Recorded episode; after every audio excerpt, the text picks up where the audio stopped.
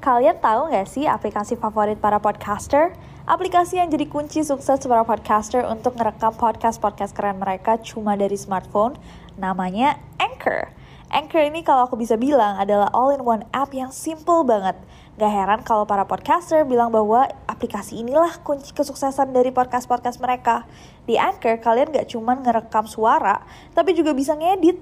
Mulai dari rekaman, isi lagu, efek, dan lain-lain. Yang paling aku suka adalah karena Anchor ini super fungsional. Aku bisa langsung upload podcast aku ke Spotify atau platform lain langsung dari Anchor. Kalian bisa download Anchor di smartphone kalian langsung dari App Store, Play Store, atau dari web mereka www.anchor.fm. Trust me, Anchor is your best friend to create stunning podcasts. And you know what? It's totally free. Hey guys, it's Nancy. And welcome back to Nero. To Nero, to Nero. Si kembar ini punya tanda lahir yang sama persis sama kakak-kakaknya yang sudah meninggal. Huh.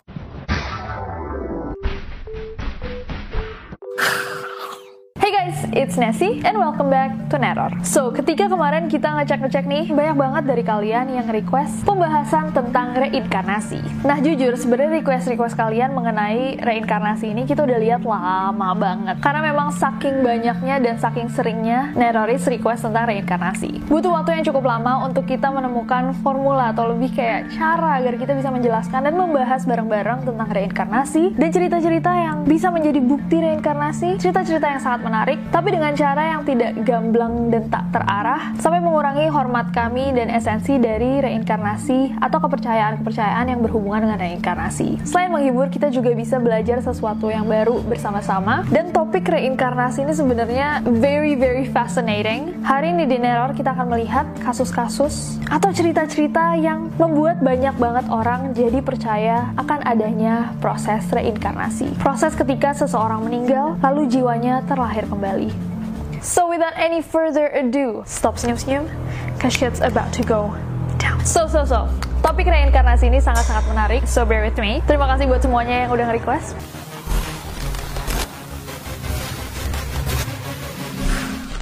Sebelum kita masuk ke kasus-kasusnya, aku mau menjelaskan sedikit apa sih reinkarnasi. Mungkin kalian dari tadi kayak, ah, nah sini ngomongin apaan sih reinkarnasi, reinkarnasi. What is reinkarnasi? So, reinkarnasi ini adalah sebuah istilah dalam bahasa latin yang berarti terlahir kembali. Nah, istilah ini merujuk pada kepercayaan bahwa ketika kalian meninggal, walaupun tubuh kalian stop berfungsi dan hancur lebur dengan tanah, jiwa kalian tidak ikut mati, melainkan terlahir kembali dalam bentuk yang baru. Jadi seseorang yang meninggal, mereka akan lahir lagi, tapi dalam bentuk yang berbeda. Nah, dipercaya nih, jika kalian di hidup ini adalah orang yang baik, jika kalian terlahir kembali, kalian akan mendapatkan keberuntungan yang lebih daripada di kehidupan yang sebelumnya. Sementara jika kalian di kehidupan ini adalah orang yang jahat, buat kalian-kalian yang suka julid, netizen-netizen yang suka nulis hate comment, pakai second account, cuma buat iseng padahal nyakitin hati orang, di kehidupan selanjutnya kalian akan terlahir menjadi orang yang tidak beruntung dan hidupnya akan selalu tak luput dari duka. Nah, dari yang aku pelajari dari filsafat Hindu dan Buddha, proses reinkarnasi ini memberi manusia kesempatan untuk mendapatkan kehidupan yang lebih baik jika mereka adalah orang-orang yang baik. Makanya kalian diminta untuk jadi orang-orang baik agar ketika kalian terlahir kembali, your next life atau kehidupan kalian selanjutnya juga merupakan kehidupan yang baik dan jauh-jauh dari duka. Jadi buat yang masih bingung antara reinkarnasi sama doppelganger ini completely two different things, dua hal yang sangat berbeda doppelganger adalah kembaran dalam satu kehidupan, jadi kayak orang-orang yang sangat mirip atau orang-orang yang diklon. Sementara reinkarnasi adalah satu manusia, jadi satu jiwa yang terlahir dalam dua format, dua tubuh yang berbeda. Pada masa kehidupan yang juga beda. Nah, kepercayaan pada terlahir kembali atau metempsychosis ini dipegang juga sama tokoh-tokoh bersejarah Yunani kayak Pythagoras, Socrates, dan Plato. Ini juga menjadi salah satu kepercayaan banyak agama modern dan walaupun mayoritas denominasi dalam agama Kristen dan Islam nggak percaya akan adanya reinkarnasi, kelompok-kelompok tertentu dalam agama-agama ini ada nih yang percaya sama reinkarnasi kayak kaum Qatar, kaum Alawit, Druze, dan Rosicrucian. Reinkarnasi juga merupakan kepercayaan esoteris dalam banyak aliran Yudaisme ortodoks dan juga dipercayai oleh banyak penduduk asli Amerika Utara dan beberapa penduduk asli Australia. Walaupun sebagian besar masih percaya akan adanya akhirat atau dunia roh. Nah, seperti yang aku jelaskan barusan, jadi reinkarnasi ini dipercaya oleh oleh banyak banget aliran agama dan juga kultur. Dan bahkan banyak banget nih ilmuwan yang mencoba untuk melakukan riset dan menghabiskan waktu mereka untuk meneliti akan adanya reinkarnasi ini. Nah, selain itu, ternyata ada nih cerita-cerita misterius yang membuat banyak orang jadi percaya akan adanya reinkarnasi. Kira-kira cerita atau pengalaman macam apa yang bikin orang jadi percaya bahwa manusia bisa terlahir kembali? Well, kita bakal bahas bareng-bareng.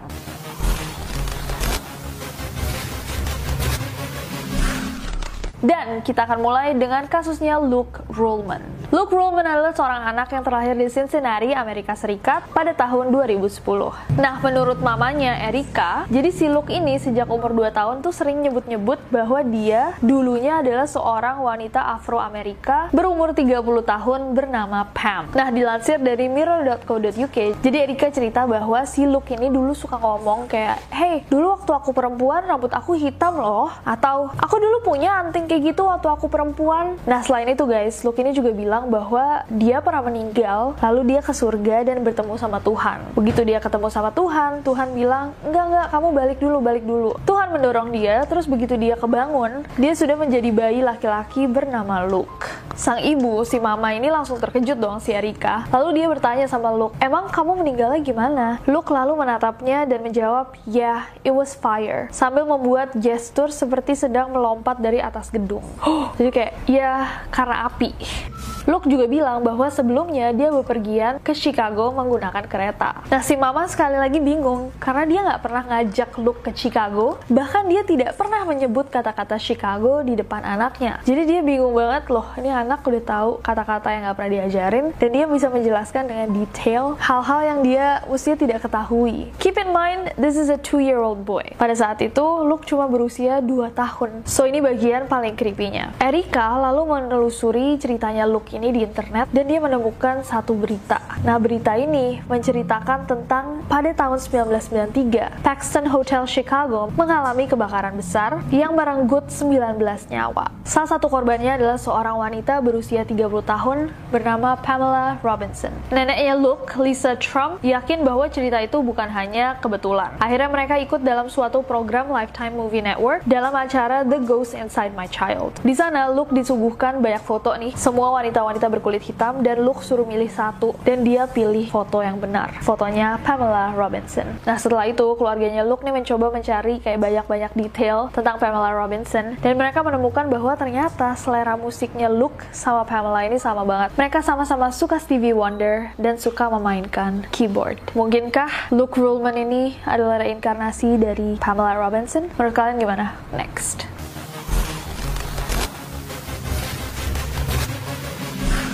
Next ada The Pollock Twins. Ini yang paling ini gak sih paling requested banget parah parah parah requested parah. The Pollock Twins. Gillian Pollock sama Jennifer Pollock adalah dua anak kembar dari pasangan John Pollock sama Florence Pollock. Nah, mereka terlahir pada tahun 1958, setahun setelah ada kecelakaan lalu lintas yang menewaskan dua kakak mereka, Joanna umur 11 tahun dan Jacqueline umur 6 tahun, yang keduanya tertabrak mobil sampai meninggal saat mereka sedang berjalan menuju gereja. Nah, kebayang dong gimana sedihnya John sama Florence ketika anak mereka dua umur 11 sama 6 ditabrak mobil sampai meninggal saat mereka sedang berjalan menuju gereja. Namun tak lama kemudian ibunya tuh hamil lagi, si Florence hamil lagi dan setahun kemudian lahirnya Jillian dan Jennifer. Nah yang aneh, mereka berdua ini si kembar ini punya tanda lahir yang sama persis sama kakak-kakaknya yang sudah meninggal. Jillian memiliki tanda lahir samar di bagian alis kanannya yang persis sama seperti tanda lahirnya Joanna dan Jennifer memiliki bekas bekas luka yang sama di bagian punggungnya dengan posisi luka kecelakaannya Jacqueline.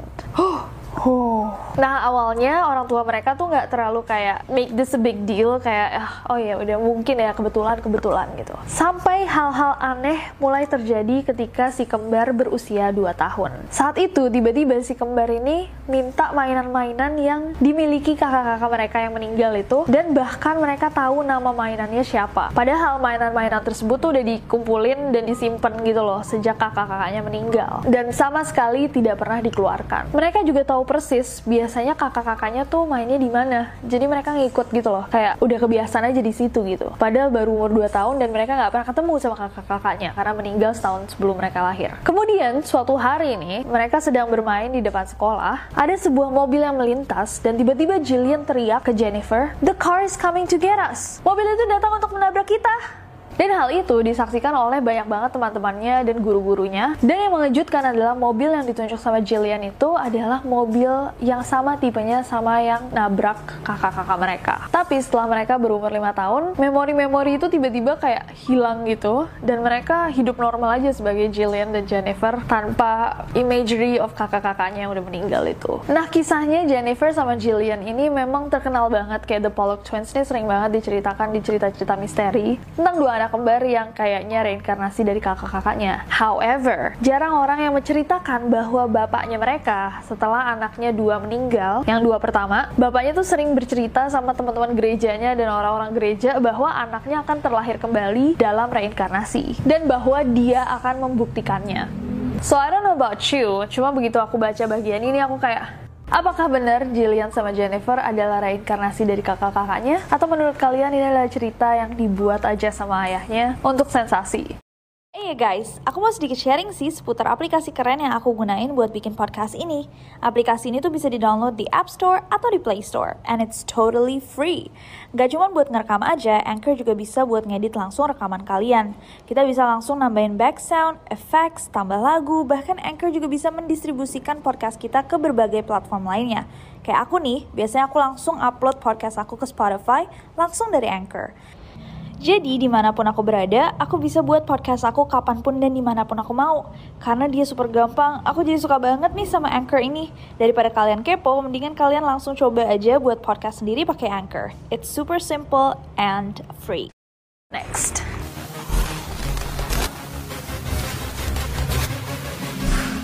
Next ada ceritanya James Leininger. James Madison Leininger adalah seorang anak yang lahir pada 10 April tahun 1998 di San Francisco, Amerika Serikat, dari pasangan Bruce Leininger sama Andrea Leininger. Ayahnya berprofesi sebagai Executive Human Resources dan ibunya seorang penulis resume, ibu rumah tangga, dan juga mantan penari profesional.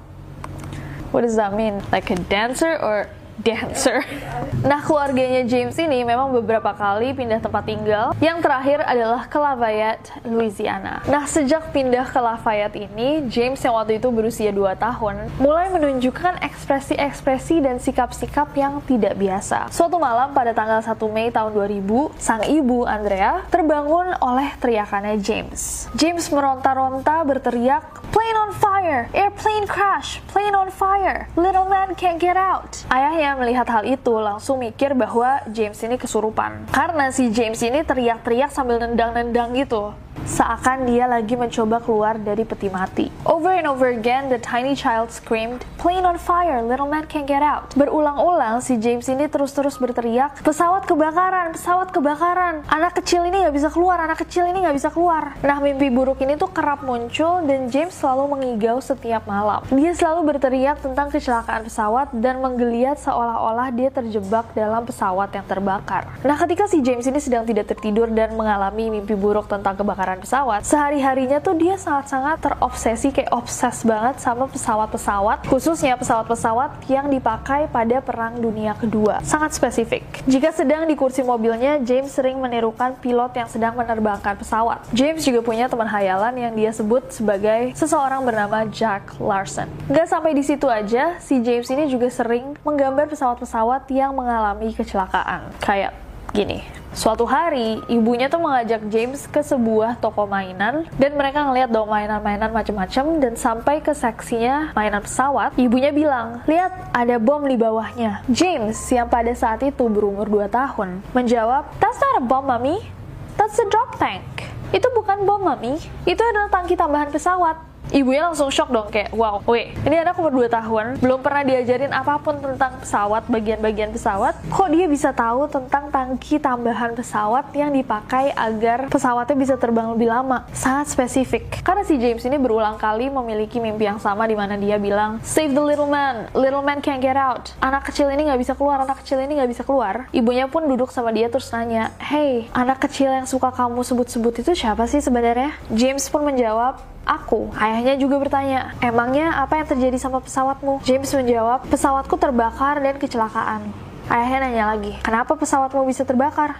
James, yang pada saat itu berusia 2 tahun, lalu bercerita bahwa dia sebenarnya adalah seorang letnan bernama James McCready Huston yang ditembak oleh tentara Jepang saat dia menerbangkan Corsair dari kapal induk Natoma. Nah, pada saat itu orang tuanya James masih kayak imajinasinya oke juga nih anak. Karena mereka nggak mungkin percaya sama yang namanya reinkarnasi. Karena mereka adalah keluarga Katolik yang cukup taat. Tapi pada saat Natal, sang ayah untuk Natal membelikan James sebuah buku yang berjudul The Battle of Iwo Jima. James langsung menunjuk sampulnya dan bilang, Daddy, that's where I was shot.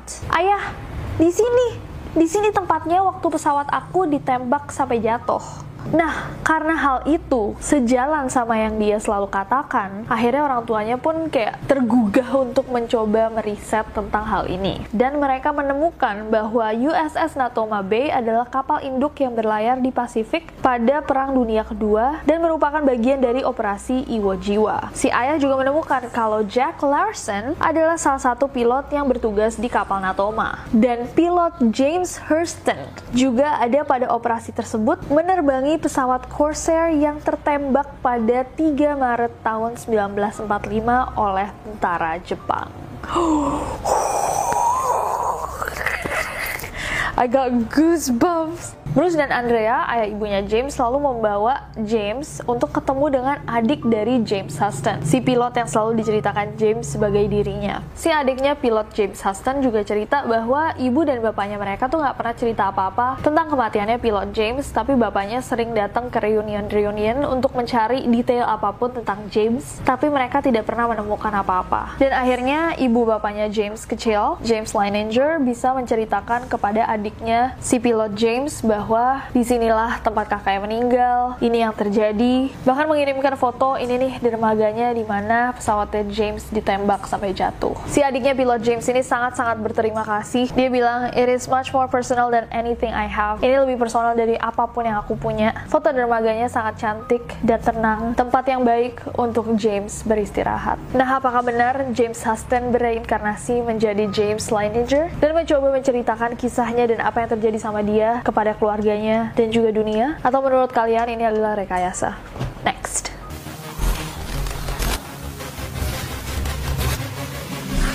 Next ada kisahnya Shanti Devi. Nah, kisahnya Shanti Devi ini adalah salah satu cerita reinkarnasi yang paling ikonik ketika kita ngomongin tentang reinkarnasi atau anak-anak kecil. Apalagi kalau misalkan kita membahas tentang anak-anak kecil yang sepertinya mengingat sesuatu yang mestinya mereka tidak ketahui. Shanti Devi lahir di Delhi, India pada 11 Desember tahun 1926. Sejak lahir, dia nih nggak pernah mengucap satu patah kata pun sampai usianya 4 tahun. Namun, ketika akhirnya dia berbicara, kalimat yang keluar dari mulutnya adalah bahwa dia sebenarnya memiliki seorang suami dan beberapa anak dan mereka tinggal di sebuah desa kecil bernama Mutra sekitar 30 mil dari Delhi. Mendengar hal ini, Mahatma Gandhi, tahu dong Mahatma Gandhi, langsung turun tangan untuk membantu Shanti menemukan keluarga masa lalunya. Karena pada saat itu cerita reinkarnasi ini benar-benar dipercaya dan merupakan sesuatu yang sangat serius. Dan benar aja ketika dicari ternyata benar-benar ada keluarga yang persis sama sama yang diceritakan sama si Shanti ini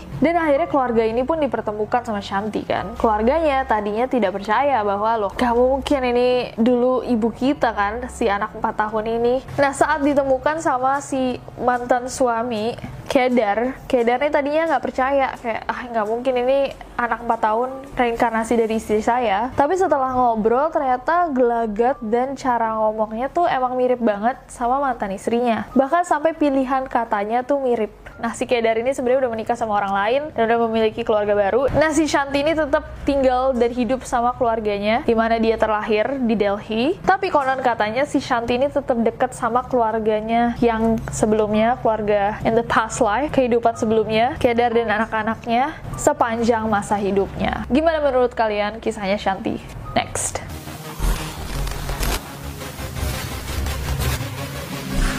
Oke okay guys, dan yang terakhir ini kisahnya Barbro Carlin. Nah, Barbro Carlin ini adalah seorang penulis asal Swedia yang dipercaya sebagai reinkarnasinya Anne Frank. Siapa tuh Anne Frank? Buat kalian yang tidak tahu Anne Frank, tapi merasa kayaknya pernah denger namanya di mana atau pernah lihat namanya di mana, pasti kalian lihatnya di toko buku. Karena Anne Frank ini adalah seorang remaja wanita yang meninggal pada World War II, Perang Dunia Kedua, dan dia adalah seorang remaja Yahudi yang menulis tentang kisah kehidupannya selama Perang Dunia II. Nah, diarinya ini dipublikasikan oleh ayahnya untuk mengedukasi publik tentang Holocaust atau periode pembantaian Nazi Jerman kepada umat Yahudi. Saat usianya umur 2 tahun. Kenapa semuanya 2 tahun ya?